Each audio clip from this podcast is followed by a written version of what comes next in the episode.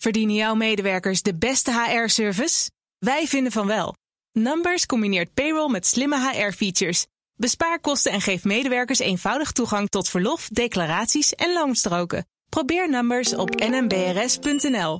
Dit is de Oekraïne Ochtend Update. Mijn naam is Geert-Jan Haan. En ik ben Bernard Hammelburg. We praten hierbij over de laatste ontwikkelingen in Oekraïne. En de gevolgen voor en de reacties van de buitenwereld. Je vindt deze podcast in je favoriete podcast-app. Vijf minuten over acht is 11 oktober 2022. Gisteren rond dit tijdstip werden we opgeschrikt door het luchtalarm in Oekraïne. En vandaag is dat weer een feit.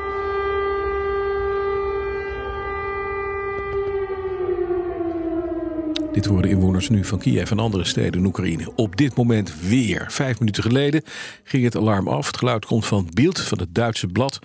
Maar in ieder geval, we weten nu weer dat er eh, ja, mogelijk dus nieuwe aanslagen gaan komen. Na die van gisteren. 14 doden te betreuren gisteren. En 100 gewonden nog steeds in de ziekenhuizen daar. Die raketaanvallen zijn de volgende stap, zo lijkt het, in de oorlog tussen Rusland en Oekraïne. Als het ook vandaag weer een feit is. Geert-Jan Hannes bij ons, Europa-verslaggever en buitenlandcommentator Bernard Hammelburg. Mannen, goedemorgen. Goedemorgen. Geert-Jan. Goedemorgen. Je hebt het ook meegekregen. Het is weer het, uh, ja, de ochtendspits. Het is 7 uur in, uh, in uh, Nee, dat zeg ik verkeerd. Het is negen, uur. Hè? Uurtje negen later. uur Kiev, een uurtje later. Exact. Veel mensen op weg naar hun werk. Ja, wat ik uh, uh, kan zeggen, de aanvulling op wat je net aangaf over dat luchtalarm, is dat ik in ieder geval heb gezien dat er uh, aanvallen zijn uitgevoerd weer op de stad Zaporizhia. Grote stad in een regio die onder Oekraïns gezag staat, maar door Poetin sinds die annexatie ook een soort van wordt geclaimd. Ja, en die grote stad, daarvan weet ik, in ieder geval op basis van de informatie die ik heb, dat er weer raketten zijn neergekomen op een autohandelaar en een school. En dat soort zaken die, waarvan je denkt van nou zitten daar nou de, uh, volgens Rusland de neonazies. Hm. En um, zorgwekkender is wellicht op dit moment uh, de informatie vanuit Vinnytsia. Dat is een uh, redelijk grote stad in West-Centraal Oekraïne waar een kolencentrale zou zijn geraakt. En dan heb je het dus weer over ja. energieinfrastructuur. Ja. En het dodental van gisteren is zojuist geüpdate. Dat is verhoogd helaas naar 19 doden en 105 Hm. gewonden. Maar Geert-Jan Bernhard, wat we dus nu zien en wat we gisteren ook verklaard hoorden door uh, Poetin, is dat hij die infrastructuur aanvalt en zegt we gaan een andere wind laten waaien. Heeft dat ook te maken? Ik sprak vanmorgen met Marten Kruijf, uh, onze, onze commandant der strijdkrachten buiten dienst, uh, met het feit mm -hmm. dat er een, een, nieuwe wind zit op, de, op het front daar vanuit Rusland. Ja, zeker. Dat is een, een, behoorlijke houtdegen. En kijk, er is een keuze gemaakt. Je kan twee dingen doen. Hè? Met, uh, als je een beperkt aantal raketten hebt. En, en Rusland heeft er iets van 80, 90 weggeschoten. En misschien nog maar 1000 of 2000 in voorraad. Dus je moet uitkijken. Je kan ze of afschieten op militaire doelen. Strategisch gezien is dat natuurlijk veel beter, handig, handiger in het, als je oorlog voert. Maar je kunt ze ook, en er heel bewust voor gekozen, heeft Poetin ook zelf gezegd. Je kunt ze ook afvuren op burgerdoelen. Uh, en infrastructurele uh, doelen. Ja. Uh, en dan leg je de hele maatschappij lam uiteindelijk. Hè? Als, er, als er geen water meer is en geen elektriciteit, dan ga zo maar door. Ja. En je gaat de winter in, dan heb je echt een groot probleem. Dus het, is een, het is een keus. Um, en uh, ja, of dat nu tactisch of strategisch is, Ja. daar, daar kun je over twisten. Maar in geval is het een hele bewuste keus geweest. Ja, maar kan het ook een wanhoopskeus zijn? Hè? We weten dat het met de grondtroepen niet zo goed gegaan is. Het luchtwapen hebben we nooit gezien. Uh, nu gaan we op afstand uh, burgerdoelen afknallen. Want het helpt de infrastructuur te, en, te, en te demoraliseren. Nogmaals, is dit niet gewoon een, een, een laatste stap in een, in, een, in een totaal wanhoopsoffensief? Ja, ik, ik ben altijd heel terughoudend met dit soort dingen, zoals je weet. Um, de Russen hebben toch meer in de kast nog dan wij altijd zeggen. Dat heb je ook gezien aan deze aanval. Ja. Want laten we eerlijk wezen, wij zagen hem niet aankomen. En ik denk heel veel Oekraïners die hem ook niet zagen aankomen.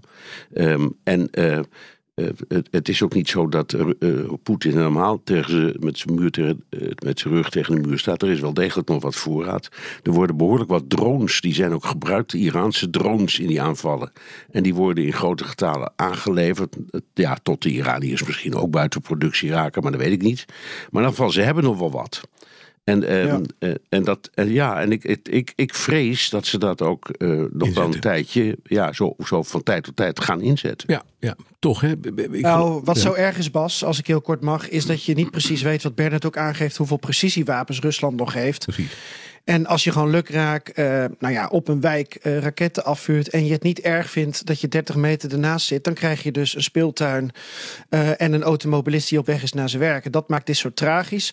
Overigens een kleine ehm, ja, opmerking, Bernard, als ik mag. Ik heb nog even naar die verklaring van Poetin gekeken en hij zegt militaire doelen, communicatieve doelen en energieinfrastructuur.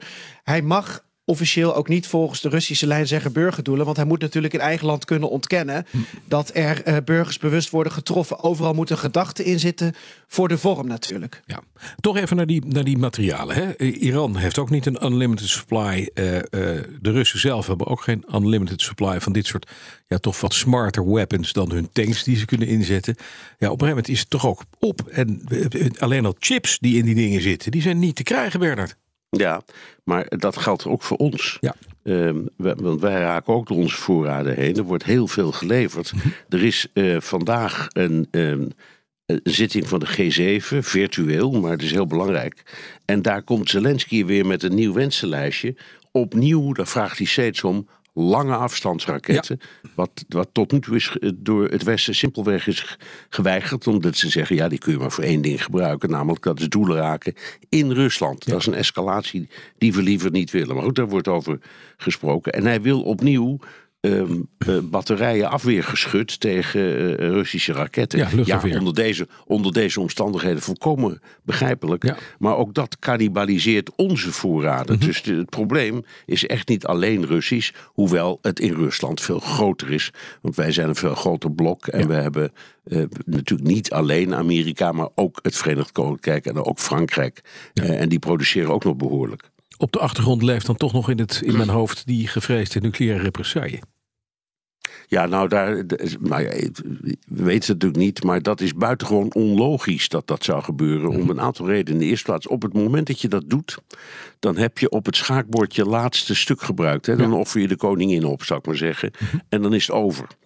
Dus um, het, het, de, ze kunnen het doen, maar dan is het verhaal ook over. Want, en dan geloof ik zeer in wat uh, generaal Petraeus vorige week zei, de, de ex-CIA-baas, die zei: Als dat ooit gebeurt, dan gooien we echt alles wat Rusland heeft compleet plat. Mm -hmm. Alle, alle uh, conventionele wapens, de complete vloot, dat gaat er allemaal aan. En ik geloof ook zeker dat dat, dat zou gebeuren. Ja. Maar je moet ook, ook rekening houden met, met suffige dingen zoals de windrichting. Hè. We hebben meestal westenwind in de wereld. Ja. En als je van, vanuit Rusland een, een atoombom gooit op uh, Oekraïne, dan krijg je het volhoud zelf terug. Ja, dan krijg je de volhoud zelf terug. Het zijn ja. allerlei nadelen. Mhm. Mm -hmm. En ik denk eerlijk gezegd niet dat Poetin dat overweegt. En ik denk ook, we, we, hebben het er wel steeds over, maar dat is, ja, dat is voor de bühne. Nou, Gert-Jan, klopt dat? Ik denk dat op dit moment in Rusland uh, vanuit de uh, hardliners uh, gevraagd werd om een harde reactie richting Oekraïne. Die reactie daar werd om gevraagd door de aanslag op de Krimburg. Uh, ik hoorde ook gisteren allerlei uh, militair strategen zeggen dat als je verstand hebt van het plannen van uh, aanvallen, dat die raketregen van gisteren en misschien ook wel vandaag, dat je daar een week lang toch wel voor moet zitten. Um, het is opvallend, laat ik het op dit moment zo verwoorden, dat die aanslag op die Krimbrug daar dan tussen zit. En dan krijg je dus een harde reactie. En uh, dat kan dus ook nog een conventionele zijn. Hoewel er dus uh, militair experts zijn die zeggen: ja, uh, Poetin heeft daar wel maanden om gehamsterd. Die heeft ze bij wijze van spreken allemaal naast elkaar gelegd, die precisieraketten. en ze dan nu op Oekraïne afgevuurd. Ja, dan heeft hij nog iets achter de hand. Maar dat is wat Bernard ook zegt, totaal niet in het belang van Rusland. En ik denk ja. echt dat we met z'n allen. Er zijn een paar mensen in Nederland die heel veel verstand hebben van de toespraken die Poetin geeft. Um, we zitten ook uh, dag in dag uit met mensen die Russisch spreken en lezen te soebatten over welk woordje Poetin nou wel of niet precies mm -hmm. heeft gebruikt. Het is ongelooflijk belangrijk om goed te lezen en goed te luisteren. Of als Poetin iets zegt, of dat defensief bedoeld is of offensief. En of hij het moederland daarbij wil verdedigen. Of dat hij dan ook heeft over de Krim of over de geannexeerde gebieden. We kunnen niet alles zomaar duiden. Maar ik denk dat we veel beter daarnaar moeten kijken. En dan zie je ook uh, dat hij tot nu toe in lijn handelt met wat hij zegt. Zegt. Hoewel, hoewel Bas, ja, die aanvallen op de Krim. Ja. Ik dacht dat dat het moederland was. Maar dat staat nu telkens ter discussie. Verdienen jouw medewerkers de beste HR-service? Wij vinden van wel. Numbers combineert payroll met slimme HR-features. Bespaar kosten en geef medewerkers eenvoudig toegang tot verlof, declaraties en loonstroken. Probeer Numbers op nmbrs.nl.